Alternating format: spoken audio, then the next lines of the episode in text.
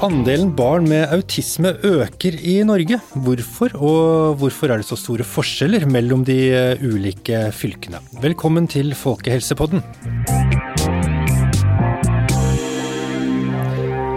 Og her i vårt fremdeles litt sånn provisoriske studio, eh, det kommer seg etter hvert, står eh, Pål Surén, som er barnelege og forsker på Folkehelseinstituttet.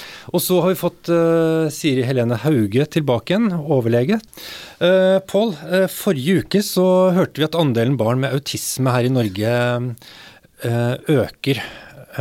Og bare sånn aller først til deg, hva er egentlig autisme? Eh, autisme er et uh, utviklingsavvik som har to uh, hovedkjennetegn. Det første er svikt i sosial fungering og kommunikasjon med andre mennesker. og det andre er at man har repetitiv og ensformig og innskrenket atferd. Mm. kan du nevne noen eksempler på det? Hvordan, du, hvordan kan du oppdage liksom, repetitiv atferd? Ehm, ja, det er at man ehm, repeterer ting mange ganger, og det er ofte en litt sånn meningsløs eh, repetisjon. Meningsløs bruk av leker, f.eks. At man bare dunker dem istedenfor å leke sånn som det opprinnelig var ment at man skulle gjøre. Når det gjelder det med den sosiale fungeringen, så er det gjerne det med at barna har, de gir dårlig blikkontakt. Er ikke noe særlig interessert i å leke med andre barn. Um, språket utvikler seg senere uh, enn hos andre barn. Mm. Slike symptomer. Du uttalte deg litt i media om det her forrige uke. Har du fått noen innspill eller reaksjoner etter det? Eh, ja, det har jeg gjort. Eh, jeg var bl.a. på Hamar i forrige uke og snakket for eh, alle fagfolkene som jobber i BUP Innlandet. Altså gamle Hedmark og Oppland fylker. Og de var jo interessert i det fordi Eh, Hedmark ligger aller lavest eh, i andeler med autisme, og Oppland ligger også lavt i forhold til landsgjennomsnittet, så de lurte på hvorfor de ligger lavt da, i forhold til andre. Eh, vi ser at det er store variasjoner mellom fylkene i Norge når det gjelder andeler barn som, som får diagnosen. Og de fylkene som ligger lavt, ligger mye lavere enn det som forekomststudier har vist ellers. Sånn at vi tror at det er mange i de fylkene som ikke blir oppdaget, eller som blir henvist sent til spesialisthelsetjenesten. Uh, vi ser også at det er, um, det er mye flere gutter enn jenter uh, som får diagnosen. Ved åtte års alder så er det ca. 4,4 ganger så mange gutter som jenter. Um, det er jo kjent fra før at det er uh, vanligere med autisme hos gutter, men, men likevel så er 4,4 et høyt forholdstall. da. Man antar at det skal ligge rundt 3. Så, så, det kan også tyde på at det er mange jenter som får diagnosen sent. Og hvis det, hvis det er sånn at det kanskje er helsepersonell som um, bør um, tenke oftere på autismediagnose hos barn, hva er det man skal se etter, og når er det man eh, henviser videre til spesialisthelsetjenesten? For det er jo der diagnosen settes. Ja, Eh, klart Hvis barna har sånne avvik som jeg eh, snakket om, dette med at det fungerer dårlig sosialt, kommuniserer dårlig, eh, har repetitive, eh, rare atferdstrekk, så bør man jo henvise så snart man, man Eh, blir bekymret. Da er det jo vanlig at man tar kontakt med PPT først, fra, enten fra barnehagen eller skolen, slik at PPT kan gjøre en kartlegging på forhånd. Mm. Uh, så man har et uh, mer solid grunnlag før man eventuelt sender en henvisning. Det som gjør at jenter oppdages senere enn gutter, det tror man er at de har Jentene med autisme har generelt mindre utagerende atferd enn uh, en gutter med autisme, slik at de er mindre problematiske å håndtere. Uh, de kan kamuflere de sosiale vanskene sine bedre, fungere noe bedre i sosiale sammenhenger. Og så har de de har, kan ha repetitive interesser, men de er ofte litt mer meningsfulle enn, en de er hos gutter. Da, sånn at de fremstår som mindre unormale, rett og slett. Mm. Um, og, det, og, dermed kan de bli ganske gamle før man erkjenner at dette her er noe, noe unormalt. Og, og, så er det jo veldig forskjell på folk som har autismediagnosen. Så det er et stort spekter. Og så har du denne Aspergers-kategorien. Kan du si litt om hva som er forskjellen mellom Aspergers og ikke-Aspergers? Ja, det er jo ulike undertype, undertyper i autismespekteret. Asperger er en av undertypene. Og kriteriene for å stille den diagnosen er at de skal ha typiske autismesymptomer, men de skal også ha normal språkutvikling. De skal utvikle talespråk til normal tid. Og språk henger jo veldig nøye sammen med eh, intellektuelle evner, slik at eh, de med Asperger har nesten alltid eh, intelligens innenfor normalområdet. Mm. Og så snakket vi om her i stad at, det var, eh, at uh, dette med kjønnsforskjeller og at uh, dette med jenter f.eks. At hvis uh, Uh, en jente er veldig opptatt av å hekle, f.eks., mm. så kan det være mer sånn uh, akseptert som innenfor et normalspekter enn uh, en andre aktiviteter, kanskje? Kan du fortelle litt mer om det? Ja, nå kan man jo si at det å hekle f.eks., det er jo en produktiv aktivitet. Det er jo noe som en skapende aktivitet. og de repetitive interessene som personer med autisme har, er jo ofte sånne interesser som vi andre kanskje oppfatter som meningsløse eller lite produktive. At man kan være ekstremt opptatt av én um, bestemt ting på bekostning av andre. Av et mer bredere register av, av interesser, da. Mm. Ja. Men du Pål, hva, hva, er egentlig hva er konsekvensen, eller hva, hva, er, hva, er, eh, ikke så bra ved at uh, det er så store forskjeller mellom uh, de ulike fylkene når det gjelder hvor, mange, hvor stor andel som får diagnosen autisme? Er, det, er, vi bekymret for noe der? Vi er bekymret for at det kanskje er en del som får diagnosen mye senere enn det de kunne ha fått den. Um, så de får for sent hjelp, på en måte, eller de kunne fått hjelp mye før? Ja. ja.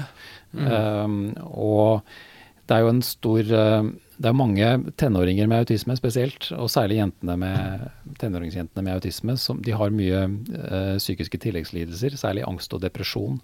Uh, det er også en del spiseforstyrrelser. Atferdsvansker. Uh, og de tilleggsvanskene kan nok ofte bli verre enn de hadde trengt å være uh, hvis man hadde satt autismediagnosen tidligere, for da hadde man visst mer om hvilke vansker de hadde og kunnet uh, forberede dem bedre. Mm.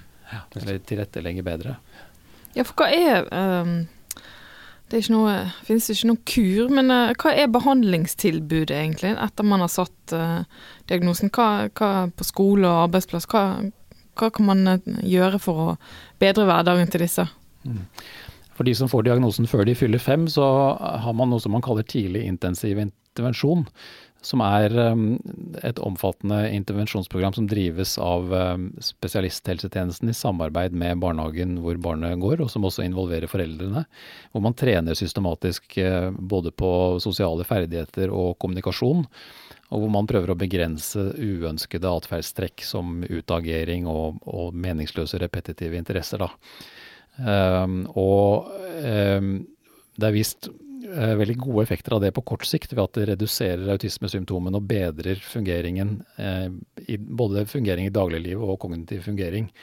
Eh, sånn at det er en lovende behandling. Nå har man ikke noen langtidsstudier av det, så man vet ikke i hvor stor grad de effektene eh, persisterer på sikt, men det er i hvert fall en det er i hvert fall lovende på kort sikt. Uh, og det er derfor også man anbefaler det for de som får diagnosen før, man, uh, før de fyller fem. Nå er det, det er faglig uenighet der også om hvor verdifullt det er og om man skal anbefale det, men uh, de fleste fagfolk i Norge vil mene at, at, det skal man gjøre da. Og så kan vi kanskje slå fast en gang for alle at vaksiner ikke fører til autisme, eller har du noen innspill på det? Nei, det er tilbakevist i mange store studier. Dette var jo en påstand som oppsto på 90-tallet. Det var vel i 1998 det kom en artikkel i The Lancet skrevet av en som heter Andrew Wakefield, som mente at eh, MMR-vaksine kunne være en årsak til autisme.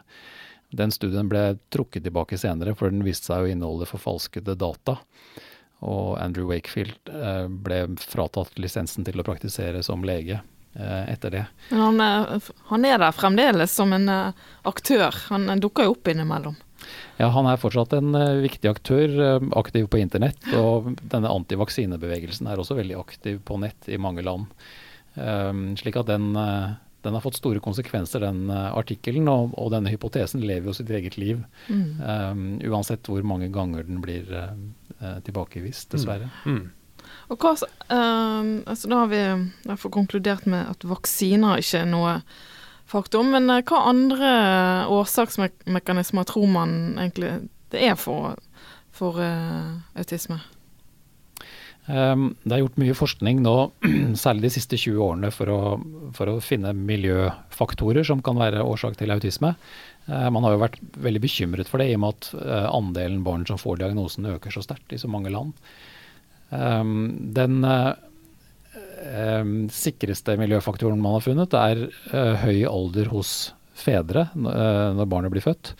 Um, man ser at jo eldre far er um, ved fødselen, jo høyere risiko er det for at barna får uh, autismediagnose senere. Og det tror man er fordi at menn um, akkumulerer genforandringer eller mutasjoner i kjønnscellene sine ettersom de blir eldre, fordi disse cellene da har delt seg flere og flere ganger. Så det er en miljøfaktor som sannsynligvis virker gjennom genetikk. da. Um, ellers er det jo genetisk disposisjon som er den soleklart viktigste uh, risikofaktoren på befolkningsnivå. Og hvor stor den faktoren er, altså alder hos far, om den er så stor eller kjempestor, eller, uh, i, og samspillet mellom andre faktorer, det er det kanskje vanskeligere å si noe om? Eller, uh, eller går det an å si noe om det også? Ja, man vet ikke hvor mye det betyr for økningen i forekomst, men man um, man vet jo at uh, gjennomsnittsalderen på de som får barn har økt veldig sterkt både i Norge og i andre land siden 80-tallet. sånn at hvis dette er en reell årsakssammenheng, så kan det være med på å forklare noe av økningen i, i forekomst. Mm. Og det at det er genetisk eh, disposisjon, betyr kanskje at hvis man finner et barn som har en diagnose um, med presumptivt friske foreldre, så burde man kanskje snakke med foreldrene og høre om de har noe uh, symptomer som ikke er oppdaget. For det går jo en del voksne rundt som er udiagnostiserte, men som har uh, en eller annen grad av autisme. Eh, ja, det, det, skjer nok det at foreldre får diagnosen som følge av at barna har vært under utredning. Det har jeg hørt om her i, i Norge også. Jeg tror nok ikke det er veldig vanlig. men det man ser er at Hvis et barn i en familie har en autismediagnose, så er det eh, større sannsynlighet for at det også finnes eh, andre med autisme i samme familie. Mm. Det går helt ut til onkler og tanter og søskenbarn. Nettopp. Interessant. Uh, tusen takk, Pål, for at du eh, kom og snakket om eh, studien din om uh, autisme. Da takker vi for oss denne gang. Pål Surén, barnelege og forsker ved Folkehelseinstituttet. Og ellers så sto Siri Helene Hauge og Kjetil Berg Veire her i studio.